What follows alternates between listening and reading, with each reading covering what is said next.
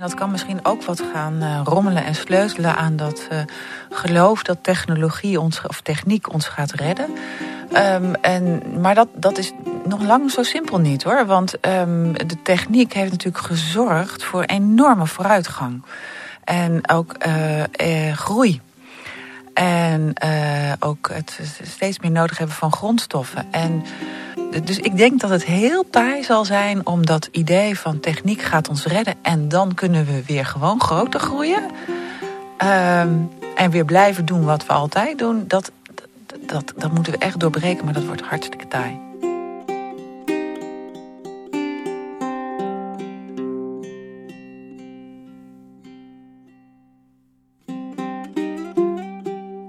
Welkom bij de podcast van Wie is Kennis. We willen veel met het land. Heel veel.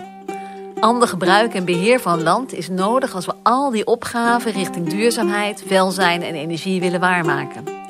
In Van Wie is Kennis gaan we op zoek naar hoe we op een andere manier kunnen omgaan met grond en eigendom.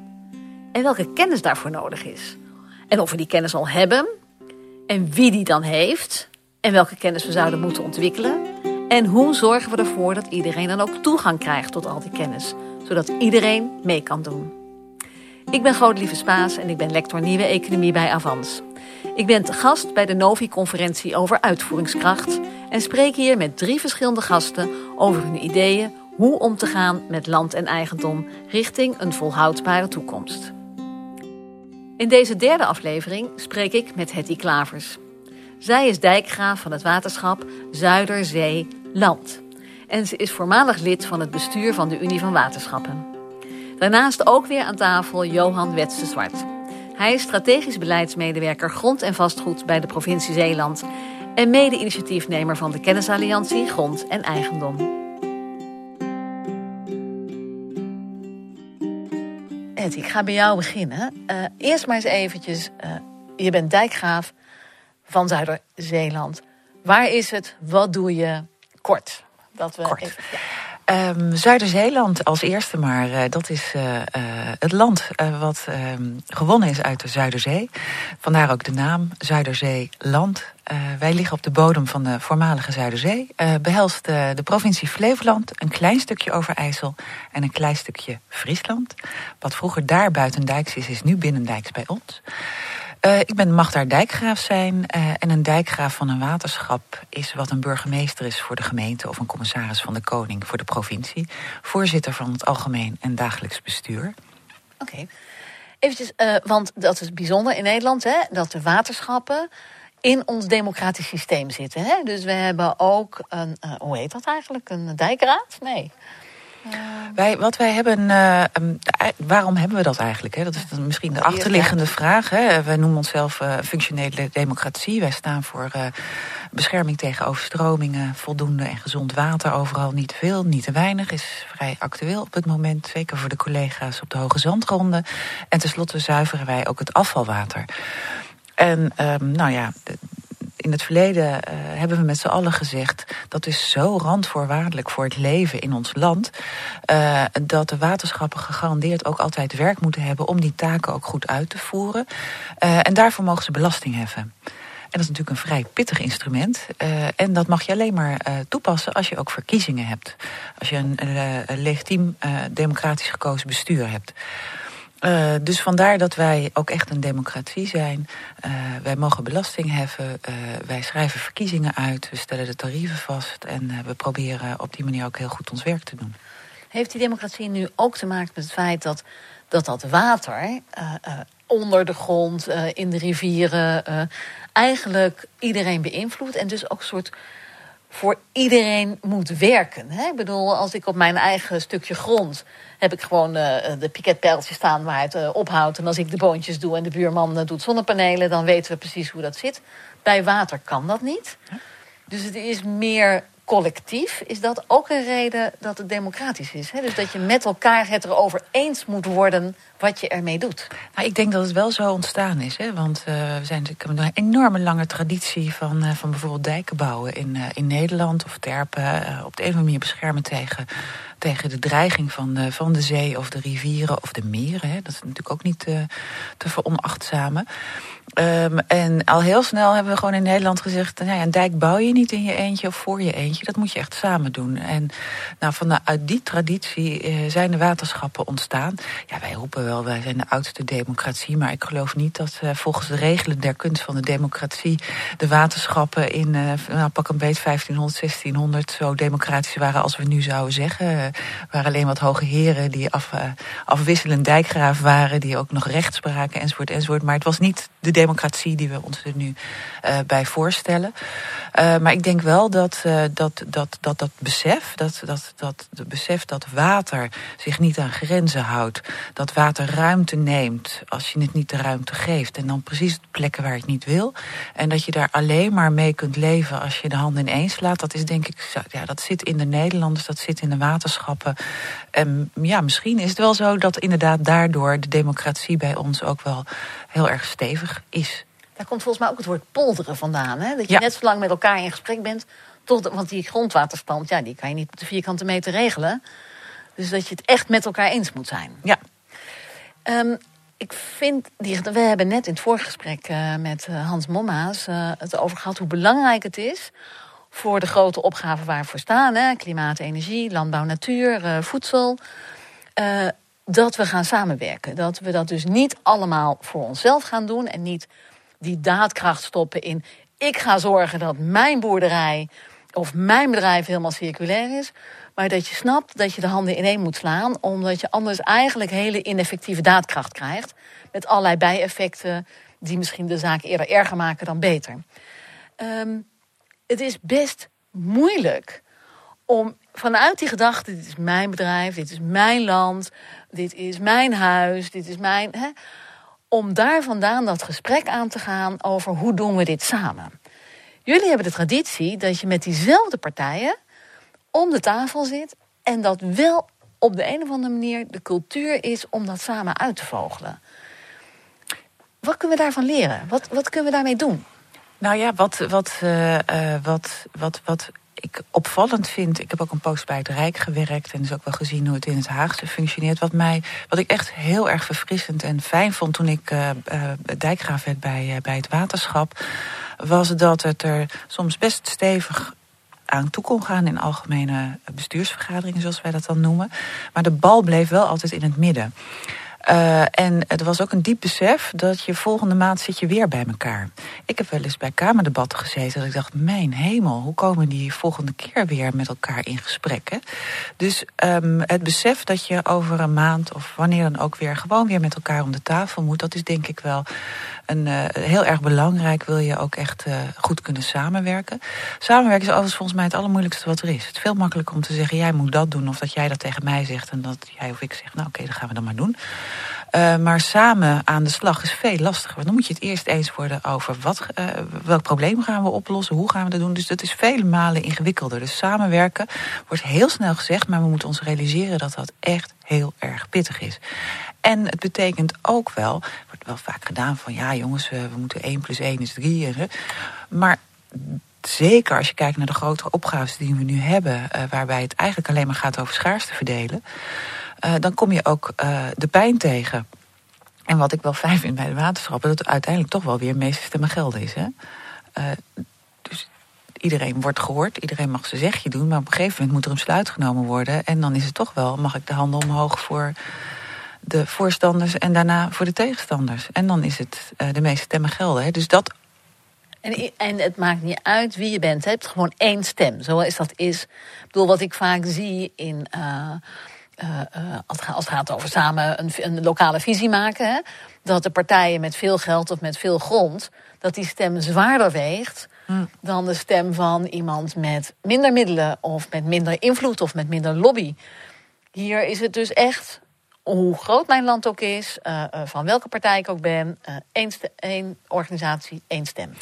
Nou, het, het, systeem bij de waterschap is natuurlijk een, een, een, een een wat hybride systeem. Ja. Uh, omdat wij uh, aan de ene kant hebben... We, we hebben eigenlijk vier categorieën. We hebben de categorie ingezetenen. Mm -hmm. uh, daarvoor gaan we naar de stembus ieder vier jaar. Hè, 15 maart volgend jaar allemaal weer even in de agenda zetten... naar de stembus voor de Provinciale Staten en de waterschapsverkiezingen. In mijn waterschap zijn 18 van de 25 zetels zijn voor de ingezetenen. Daarnaast hebben wij nog zeven zogenaamde geborgde zetels. En die worden verdeeld onder een aantal belangen. Het belang van de natuur, dat is bij ons één zetel. Het belang van de landbouw, het ongebouwde gedeelte. Um, dat heeft uh, drie zetels. En daar worden de uh, zetels aangewezen door uh, LTO. En dan hebben we nog drie zetels gebouwd, noemen we dat. En dat gaat via de Kamer van Koophandel. Daar zit het bedrijfsleven achter. En waarom hebben we dat met z'n allen zo bedacht?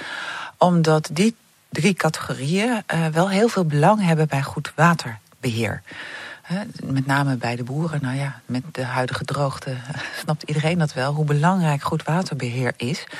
dus daar zit ook echt een, nou, een behoorlijke stem.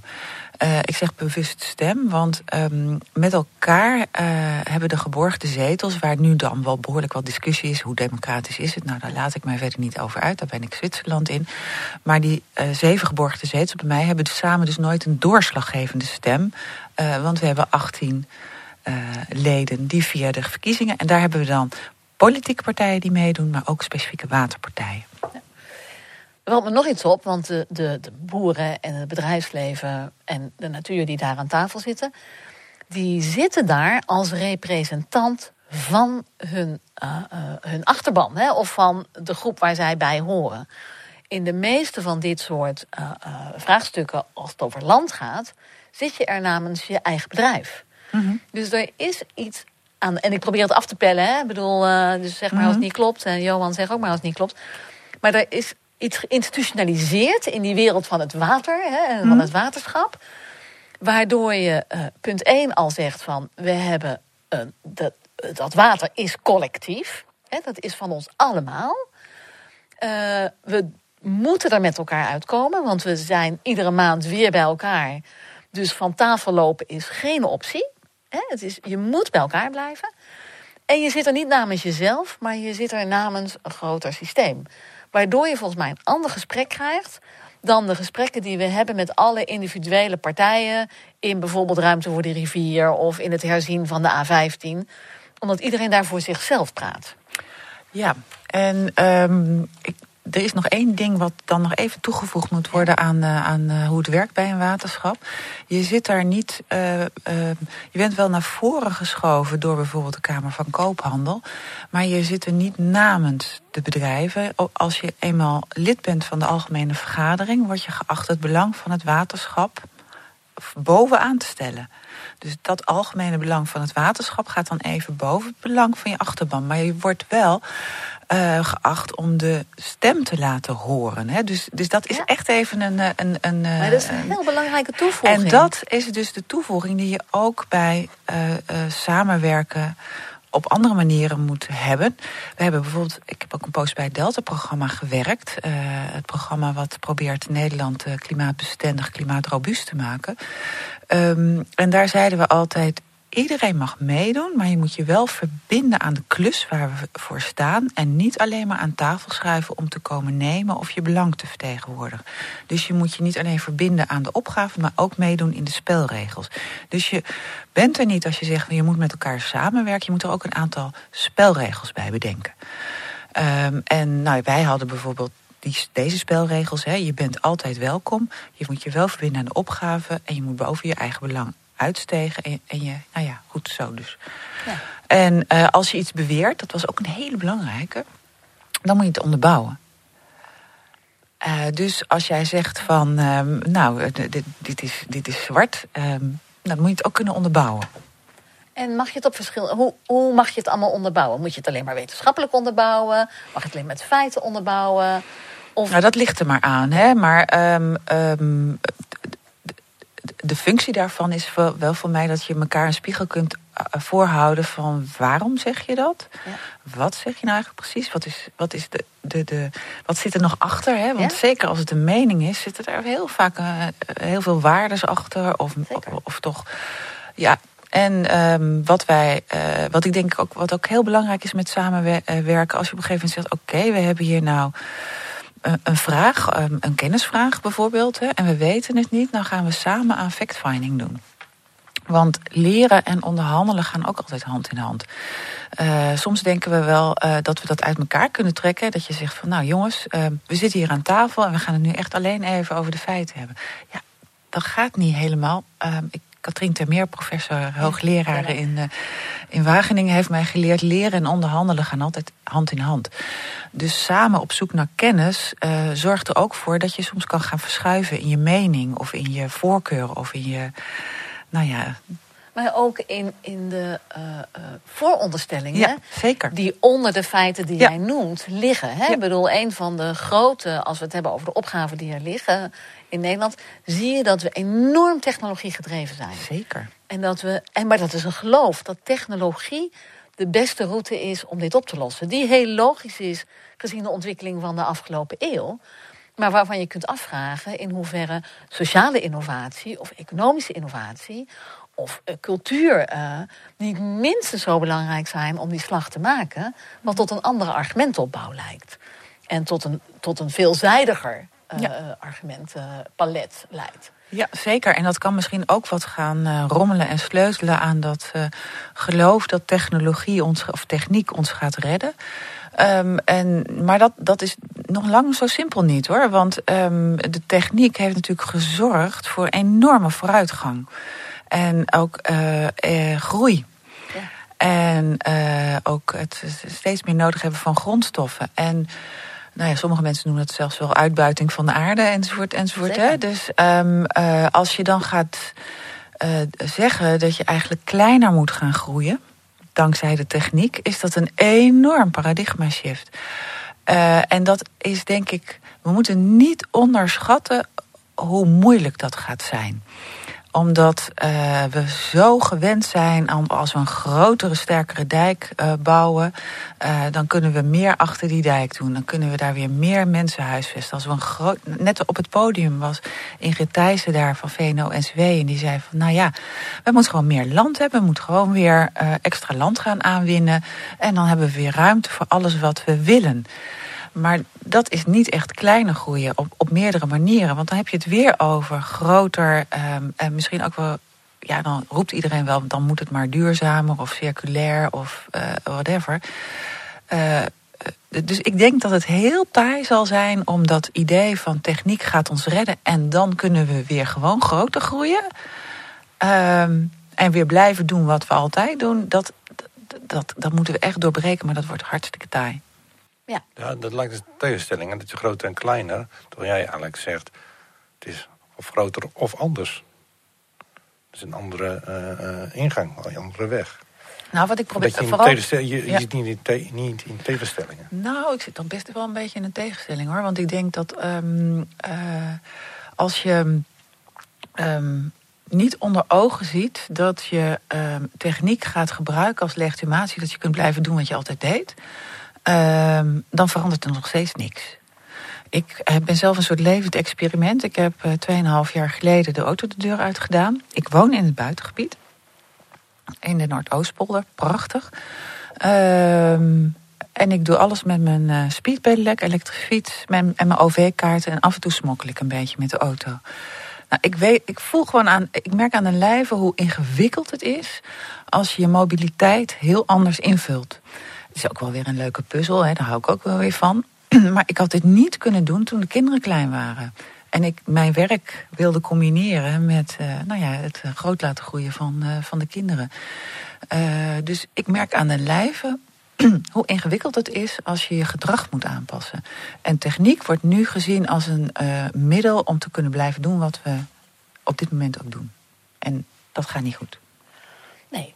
Um, ik, want je gebruikt een prachtig woord, kleiner groeien. Ja. En volgens mij het daar, um, door het zo te framen, krijgt het ook een aantrekkelijkheid van ergens naartoe gaan. En niet van alleen maar iets afnemen. Want, nou, laat niet al te diep op je voorbeeld ingaan. Maar ik heb op een gegeven moment ook de auto de deur uitgedaan. Maar dat heeft ook heel veel dingen tot Ik beweeg anders. Absoluut. Ik ben meer buiten. Ja. Uh, ik zie andere dingen uh, nu. Ik, als ik ergens heen moet, uh, mag ik opeens een half uur fietsen. Uh, en ontdek ik delen van Nederland waar ik nog nooit echt naar gekeken heb, omdat ik er met de auto langs reiste. Dus Dus er komt ook veel naar mij toe door dat besluit. Zeker. Maar dat weet je pas als je het doet en als je door die lastige fase heen bent. En ik denk dat wat ik heel mooi vind aan wat jullie doen binnen die waterschappen, is dat je heel evident boven tafel hebt dat je een collectief belang dient. Dat je weet waar het over gaat. Hè? Het gaat over droge voeten en het gaat over je, je, land nat en droog hebben en, en over schoon water. Dus, dus iedereen weet ook hoe belangrijk het is om dat te doen. Die andere onderwerpen die we nu op de agenda hebben, hè, bedoel, natuur en landbouw, klimaat en energie, hebben nog niet dat doorleefde collectieve belang wat we voelen bij water. Ja. Bedoel, water dat zit in onze genen, althans in Nederland, dat, dat, dat we daar iets mee moeten samen, dat we dat niet alleen kunnen doen. Dat zit nog niet in, in, uh, in deze nieuwe domeinen. En ik denk dat de zoektocht heel erg is. En dan vraag ik me ook af wat zo'n kenniscoalitie daarin kan doen. Hè? Ik bedoel, of kennisalliantie, uh, uh, uh, waar Johan en Jeroen Rijnkolt mee bezig zijn. Hoe kan die nou een rol spelen in die bewustwording, in dat collectief maken van dat vraagstuk? En ik heb daar het antwoord niet op, maar kijk ook naar jou. Want dat, met jij leeft dat in die waterschappen. Met alle moeilijkheden. Mm -hmm. Dus welke tips heb je voor die kennisalliantie, voor het expliciet voor het collectief maken van die. Um, ja. Nou, dat, dat, is wel een hele grote vraag. En ja. um, nou, uh, kijk, ik. ik succes. um, ja, kijk, ik, ik, merk zelf ook wel dat um, uh, het, het, werk wat wij nu kunnen doen, kunnen we alleen maar doen in het water dankzij al onze voorgangers. Ik laat heel graag een, uh, een, een plaatje zien. Ik neem even een omweg. Dat is goed. Ik ga, laat heel graag een plaatje zien van Nederland... waarin je alleen de dijken, de duinen, de dammen, uh, de waterverdedigingswerken ziet. Als je dat plaatje ziet, dan zie je in één oogopslag dat is Nederland. Dus de dijken bepalen het landschap, bepalen... Maar je ziet ook uh, dat die dijken in West-Nederland heel fijnmazig zijn. En op een gegeven moment zie je wat grotere polders ontstaan. De Haarlemmermeer, de Wieringenmeer. En dan zie je mijn gebied met drie hele grote polders. En ik realiseer me ten diepste dat wij die polders alleen maar hebben kunnen bouwen dankzij het werk wat mijn voorgangers en uh, in andere gebieden hebben kunnen doen. Dus wij hebben een jarenlange lange traditie. Uh, en um, als ik iets geleerd heb, is dat kopiëren zinloos is, hè, maar je laten inspireren heel goed is. Um, dus, dus het, het verbinden van de natuur, de, de andere grote opgaven, met de leerpunten uit ons, ons verleden, uh, kan nooit één op één. Uh, maar wat wel zou kunnen, dat is eigenlijk een soort andere benadering. Water verbindt. Hè? Water is overal en de bodem is overal. Uh, dus ik zie het echt als een grote verantwoordelijkheid van de waterschappen en Rijkswaterstaat. Om eigenlijk toch nog de mensen uit te dagen om juist heel ver vooruit te kijken. We hebben het nu, als we over de verre toekomst hebben, vaak over 2050. Maar ik zou willen zeggen, de, de ellende qua weer en klimaat begint pas na 2050, 2100 enzovoort. En wij moeten proberen, dat is die zware verantwoordelijkheid die ik voel, om, om, om naar voren te halen hoe het dan uitziet en wat het betekent voor de keuzes van nu. Om zo een soort gezamenlijke gezamenlijk vraagstuk op tafel te leggen waar je met z'n allen aan de slag moet. want dan kom je weer aan die condities voor samen uh, werken aan stapjes vooruit. want ik, ja, die, die allesomvattende oplossing voor alles, dat bestaat gewoon niet. Dus we zullen een beetje vooruit moeten struikelen. Maar het begint wel met elkaar je realiseren wat, waar je mee te dealen hebt. En de betrokkenheid vergroten met elkaar. Ja. Te creëren. Ja.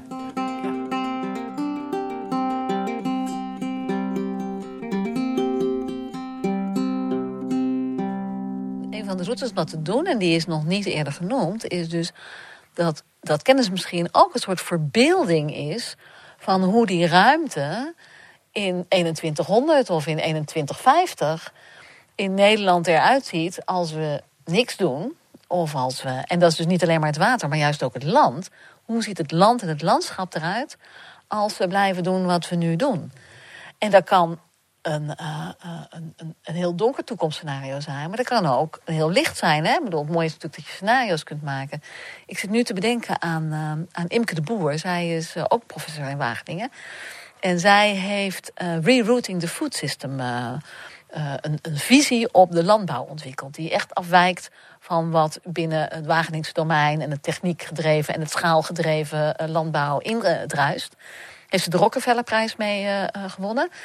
En zij heeft ook letterlijk gewoon tekeningen gemaakt van hoe ons landschap eruit ziet en hoe ons ondernemen eruit ziet en hoe uh, ons voedsel eruit ziet in dat scenario. Waardoor ik kan denken, daar kan ik me mee verhouden, daar wil ik naartoe leven, daar wil ik, ik bedoel, waar jij en ik de auto neerzetten en eigenlijk het ons een beetje overviel wat we wel of niet meer konden, krijg je door dat soort beelden en dat soort tekeningen, kun je je daar beter kun je er zelfs naar gaan verlangen of naar delen ervan verlangen of iets willen uitproberen of, uh, of je ervoor inzetten? Ik, zou, ik pleit toch wel voor een tussenstap. Ja? Want um, uh, zo'n beeld, zo'n toekomstbeeld, is gestoeld op de water en bodem van dan. En ik denk dat we eerst indringend moeten laten zien hoe ons weer, hoe ons klimaat, hoe onze leefomgeving eruit ziet. Om daarna te zeggen: oké, okay, hoe zouden wij dan kunnen gaan leven? He, dus, dus, uh, ik, een stuk worden. Ja, want uh, als ik zeg een meter zeespiegelstijging, uh, dan he, hebben mensen zich daar misschien nog niet, ja, behalve dan denk ik een meter, maar heb je nog geen voorstelling van. Maar de meters hoge golven die daar dan weer bovenop komen en hoe dat er dan vervolgens uitziet, het weer wat daar dan bij hoort, het idee dat je dan, nou ja, toch. Um, veel meer hoosbuien hebt en hoe die hoosbuien er dan uitzien, hoe de grond eruit ziet, wat dat met elkaar, hoe dat met elkaar interacteert. Dat geeft dan een soort onderlegger waarop je die mooie platen kunt gaan maken. Uh, uh, want ik, mensen denken soms, ach, dan wordt het een, een graadje warmer. Nou, lekker toch? Dan uh, ja. is het alsof we hier aan de, aan de Middellandse Zee zitten. Um, maar de, het hele plaatje is, is denk ik wel... Of mensen zeggen, nou, dan gaan we wel naar de Veluwe. En denk ik, nou, gefeliciteerd, Veluwe. Hartstikke droog. Um, uh, of nou ja, dan gaan we naar Zwitserland. Ja, ho, ho, daar komen misschien heel veel hoosbuien, modderstromen... weet ik wat al niet meer. Dus um, het weer gaat na 20... Het is kinderspel wat we nu zien... als je kijkt naar het weer na 2050. En ik denk dat we eerst moeten bijna gaan voelen van wat dat weer is en hoe, de, hoe, uh, hoe het er buiten uitziet. En dan kan je, denk ik, samen met die mooie platen uh, een beetje gevoel ervoor krijgen. Want we kunnen hele mooie landschappen gaan ontwikkelen, maar als. Uh, je hebt het al eigenlijk over de volgende generaties die ja, komen. Ja. ja. Ik zie je heel hard nadenken. Ja, nee, ik, uh, ik, ik snap het. En ik denk ook dat.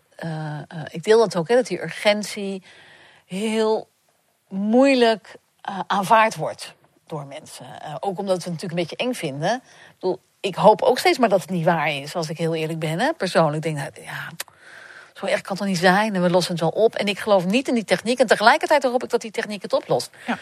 Ja, zo inconsequent zit het natuurlijk in elkaar. Want ik wil niet dat het instort. En ik wil dat het goed komt. En ik wil. Nou, fijn, dat kan iedereen zich wel voorstellen.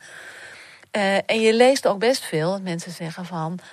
Uh, als er van dit soort doemscenario's zijn, dan verlamt dat mensen ook. Nou, ja. En ik denk dat het, dat het allebei waren. Dus ik vind niet dat we het niet moeten doen. Maar ik zit heel erg te zoeken.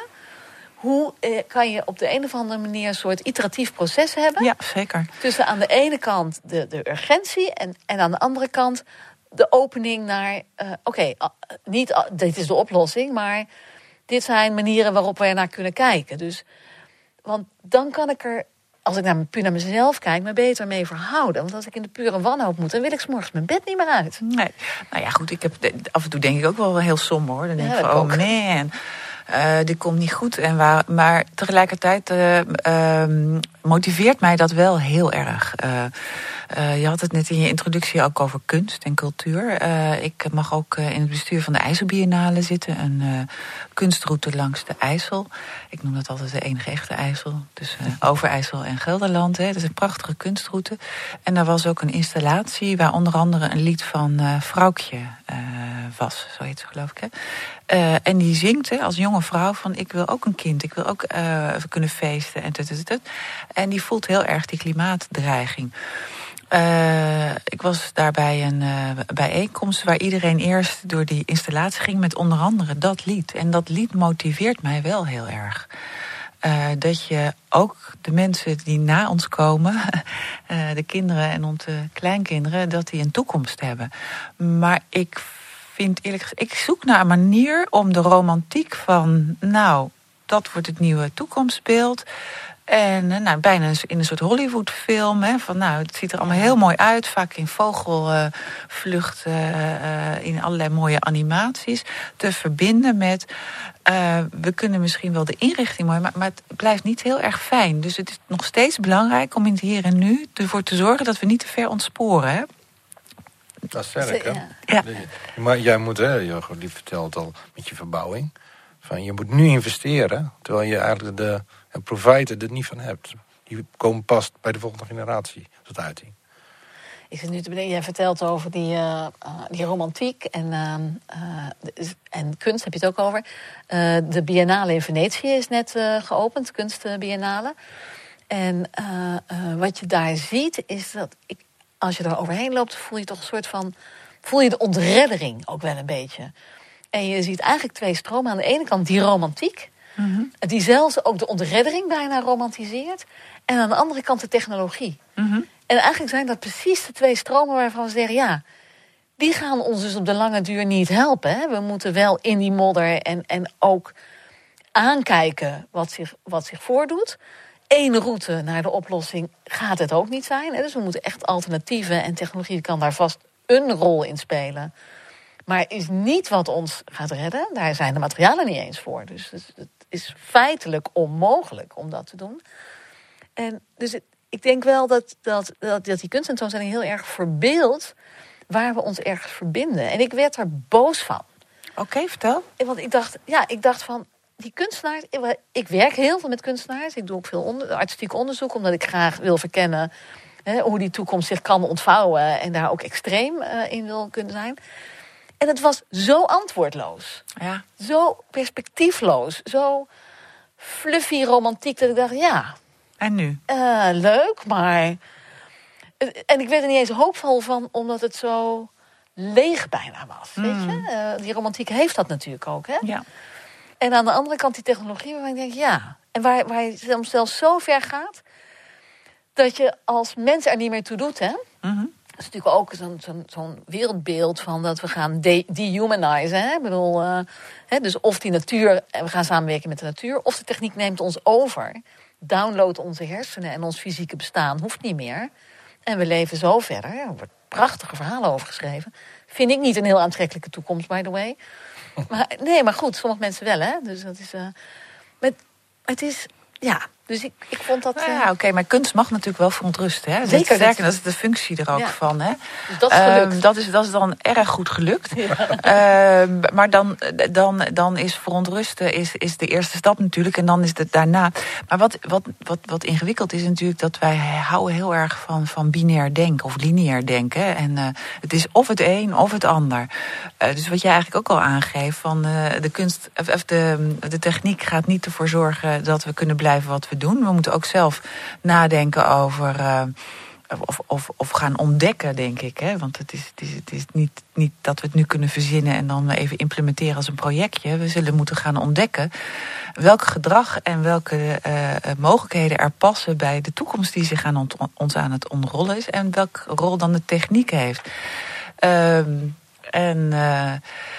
Ja, dan, dan is dat van de hoofdrol wordt het misschien een bijrolletje. Maar, maar ook bijrollen kunnen dragend zijn. Hè? Dus, die dus, doen er toe, ja. Dus uh, die doen er heel erg toe. Um, en dat, ook dat is denk ik niet zo simpel. Dat, dat, dat het een kan waar zijn, het ander kan waar zijn. Dat is ook zoiets wat, wat wij heel moeilijk vinden. Uh, en op zich zijn kunstenaars dan wel weer heel goed in staat om dat juist wel weer vorm en inhoud te geven. Dus ik denk dat we ook een uitdaging daar neer moeten leggen. Hè, van, uh, uh, zorgen dat we ons ongemakkelijk beginnen te voelen, maar wel van uh, kunnen jullie niet die werelden met elkaar verbinden? Hè? Kunnen jullie daar ons niet in helpen? Dus in die zin ja, zou, zou ik dat ook weer een hele mooie brug vinden. Ja, ik, ook, ik moet nu ook meteen denken aan. Uh, ehm, Willem Schinkel schrijft daar heel mooi over. Hè? Over hoe wij inconsistente wezens Ja, zijn. En zeker. dat dat echt ook een kwaliteit is. Want als we alleen maar een appel doen op die consistentie... we ook richting dictatuur eh, eh, bewegen. Eh, maar dat in ieders handelen, in die inconsistentie... we eigenlijk allemaal aan hetzelfde systeem aan het morden zijn. Ja. Eh, en dat elke ingang en elke route een bijdrage heeft. Maar de voorwaarde is wel dat je je afvraagt... wat jouw route te maken heeft met die van de ander. Ja, zeker. Hè? En dus niet alleen maar je eigen route en Ja. die overtuiging van dit is de oplossing. Je zegt oké, dit, is, dit is waar ik aan draai, wat ik doe, wat ik kan.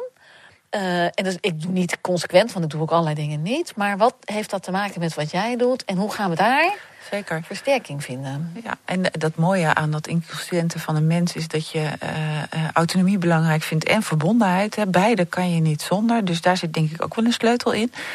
Ik vind het werk van Lee Ampoa ook altijd heel erg.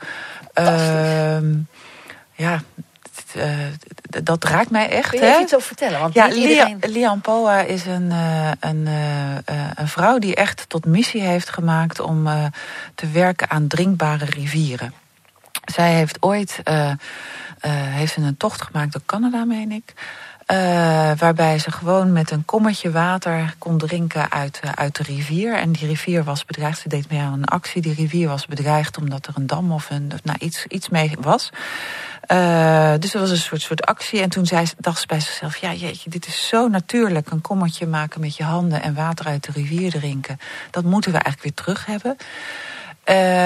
En zij zegt eigenlijk, daagt ons allen uit om bij elke stap die je zet, elke handeling die je verricht, je af te vragen: breng ik een drinkbare rivier dichterbij of verder weg? En dat vind ik in al zijn eenvoud. eh, doet dat voor, op mij zowel een emotioneel als een activerend appel. Eh, en dat vind ik heel erg mooi. Dus ik zoek eigenlijk naar een equivalent voor de drinkbare, eh, drinkbare rivier naar de leefbare toekomst.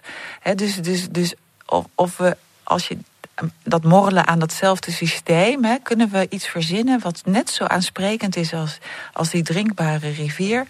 Eh, kunnen we dat verzinnen voor, voor een leefbare toekomst? Ja, ze doet, ik, ken haar werk heel goed, ik ken haar ook. eh, ze doet dat ook zo mooi, omdat ze inderdaad alleen maar met dat kommetje water laat zien hoe het land naast de rivier, hoe dat eruit ziet, wat dat voor invloed heeft op Ja. de rivier. Hoe elke handeling van een individu of van een bedrijf daar invloed op heeft. Ze doet haar werk ook wandelend langs de rivier. Ze doet ook onderzoekswerk, maar als jij een vergadering met haar wil of een gesprek, dan gaat dat in een wandeling langs de rivier. Dus in alles wat zij doet, uit ze dat. eh, eh, en ik, ik heb al net gezegd, wat is nou. Wat is nou die equivalent? En dat is misschien wel. eh, ehm, eh, eh, Veerman zegt dat altijd. in één hand aarde die gezond is, zitten meer levende organismen dan mensen op aarde. Dat is gewoon één handje aarde. Maar er is bijna geen aarde meer die gezond is. Dus datzelfde kommetje aarde, met al die organismen, zouden we ook letterlijk als het over het land gaat, als eenzelfde symbool kunnen nemen wat zij naast het water heeft. Zeker. En eh, omdat daar diezelfde complexiteit, is, en dan niet complexiteit en ingewikkeldheid, maar samenhang der dingen inkomt. En het echt, de UN heeft net een rapport geschreven, 40% van de aarde, van de soil, de grond, is ernstig gedegradeerd op de aarde. En dat is linea recta de weg naar de dood. Dat zetten ze in de kop van hun stuk. Ja. Eh, Ja. En dat geldt voor water precies zo. Dus als je dat tastbaar kan maken, dat is fenomenaal natuurlijk. En het, Ja. is, en het geeft iedereen een handelingsperspectief. Dat vind ik er ook zo mooi aan. Ja, zeker. En eh, de- dus daar moeten we denk ik echt wel... Dat zou een hele mooie zijn om, eh, om ook richting te geven... eh, en ook aan te geven van... Want het ook brengt elke stapje dichterbij, hè, dat Ja. kommetje water. Dat, dat maakt het ook weer behapbaar. Ja. Dan is het niet meer zo. En dat kan je dus doen als beleidmaker. Kan je nadenken van: God, is mijn advies wat ik nu geef, helpt dat? Of, of, of, of is dat eigenlijk eh, achteruit boeren? Hè? En, en, Ja. en, en, en eh, je kan. Ja. Ja, en je ziet ook, en dat vind ik ook mooi, in datzelfde kommetje zie je de urgentie om het te veranderen en de mogelijkheid om er iets mee te doen. Voilà. Door dat uit elkaar te trekken, hè, waar we het net over hadden, die machteloosheid. Aan de ene kant dat je lam slaat en je denkt, ja, het is zo groot, ja weet je. Ik was bij een theatervoorstelling en daar zeiden ze, wij hebben een plan. We doen nog één gen en de kinderen van nu mogen nog kinderen krijgen. En dan stoppen we daarmee. En dan gaan we gewoon nog een eeuw feesten. Eten de aarde op, putten hem uit, nog een eeuw feesten. Maar we kiezen er zelf voor. Oh, ja. Dan is het klaar. En dat als een soort perspectief. En dacht ik, ja, dat is misschien toch niet wat ik wil. Maar, maar je, dat, door dat te zeggen, ga je wel over dingen nadenken. Dus, uh... Ja, en wat, wat, wat, wat zo'n voorstelling natuurlijk ook laat zien... is wat er in, wat toch gruwelijk mis is als je de mens zo centraal stelt. Uh, dat je als het ware het recht zou hebben om zo'n beslissing met z'n allen te nemen. Uh, en ik vind zelf toch het kommetje water maakt ook nederig. Zeker. En dat zou ik onszelf ook met z'n allen wel een beetje toe willen wensen. Dat we wat nederiger zijn en dat we niet onszelf als mens uh, zo centraal stellen. En ook denken dat we daarmee echt alles bepalend, alles reddend en alles opetend mogen zijn. Ga ik nog, want dan ga ik nog even terug naar uh, die kennisalliantie. Want daar ja. zitten eigenlijk vooral mensen in uh, tot op heden. En, en dat zijn ook kunstenaars zeker. Hoe gaan we nou die stem van die natuur in die kennisalliantie echt een plek geven.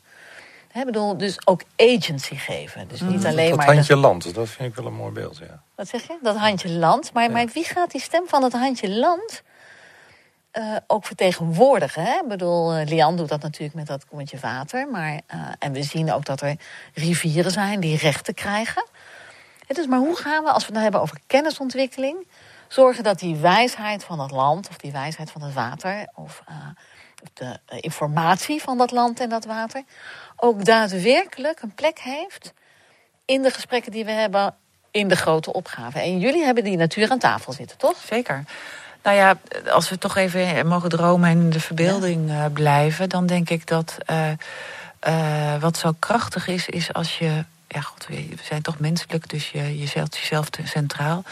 Uh, dat je ook die natuur als het ware als een, een stem geeft, letterlijk. Hè. Um, uh, ik heb dat wel eens gedaan met, uh, met een workshop. Hè, dat bijvoorbeeld het IJsselmeer een stem kreeg. En zei van ja, jullie, jullie misbruiken mij. Hè. En dat, dat soort dingen doen een heel krachtig, doe je heel krachtig beseffen wat je eigenlijk aan het uitspoken bent.